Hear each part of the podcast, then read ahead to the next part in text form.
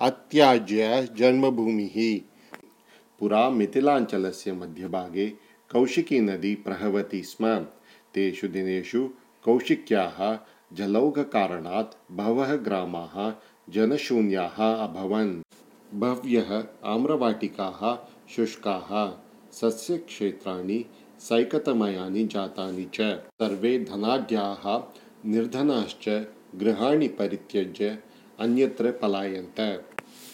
कस्मिंश्चित् ग्रामे कश्चन वृद्धः कृषकः आसीत्। तस्य कुटुम्बजनाः अपि कष्टम् अनुभूतवन्तः। ते तु ग्रामं त्यक्तुम् इच्छन्ति स्म। एकस्मिन् दिने प्रातःकाले एषः वृद्धः शौचार्थं ग्रामात् बहिर्गतः। ग्रामस्य तस्मिन् भागे कौशिक्याः जलौघकारणात् एका आम्रवाटिका शुष्का आसीत्। अस्याम् आम्रवाटिकायां पूर्वं ये शतशः वृक्षाः आसन्, ते सर्वेपि शुष्काः आसन्। ते च वृक्षाः कालक्रमेण शाकाविहीनाः, त्वग्विहीनाश्च अभवन्। तेन वृद्धेन दृष्टं यत् एकस्मिन् पत्रविहीने शुष्के शाकविहीनेऽपि वृक्षे एकः काकः उपविश्य शब्दायते। एतत् अवलोक्य वृद्धः उपविश्य हस्ताभ्यां स्वशिरः अवलम्ब्य चिन्तितवान्। समग्रमेव आम्रोद्यानं शुष्कं जातं। वृक्षाणां शाखाः पर्णानि च विलुप्तानि।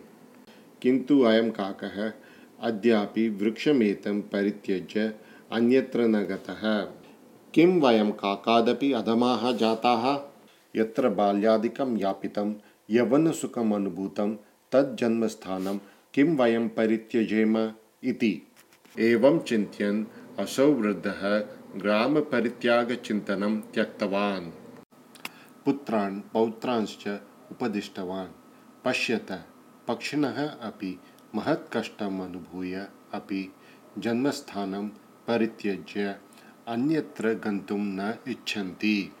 वयं तु मानवाः सन्तः पशुपक्षिभ्यः श्रेष्ठाः स्मः अतः ग्रामत्यागस्य विचारः उपेक्षणीयः। सुखं दुःखं वा प्राप्येत चेदपि जीवनं तु अत्रैव यापनीयं। जन्मस्थानं तु अत्याजमेव इति। अनन्तरं तस्मिन् ग्रामे महता श्रमेण स्वजीविकां सञ्चाल्य कृषिकार्यं सम्यक्तया सम्पाद्य सः वृद्धकृषकः पुनः धनाढ्यः सन् महत्सुखम् अनुभूतवान्। कालक्रमेण कौशिक्याः जलौघपीडा अपि अपगता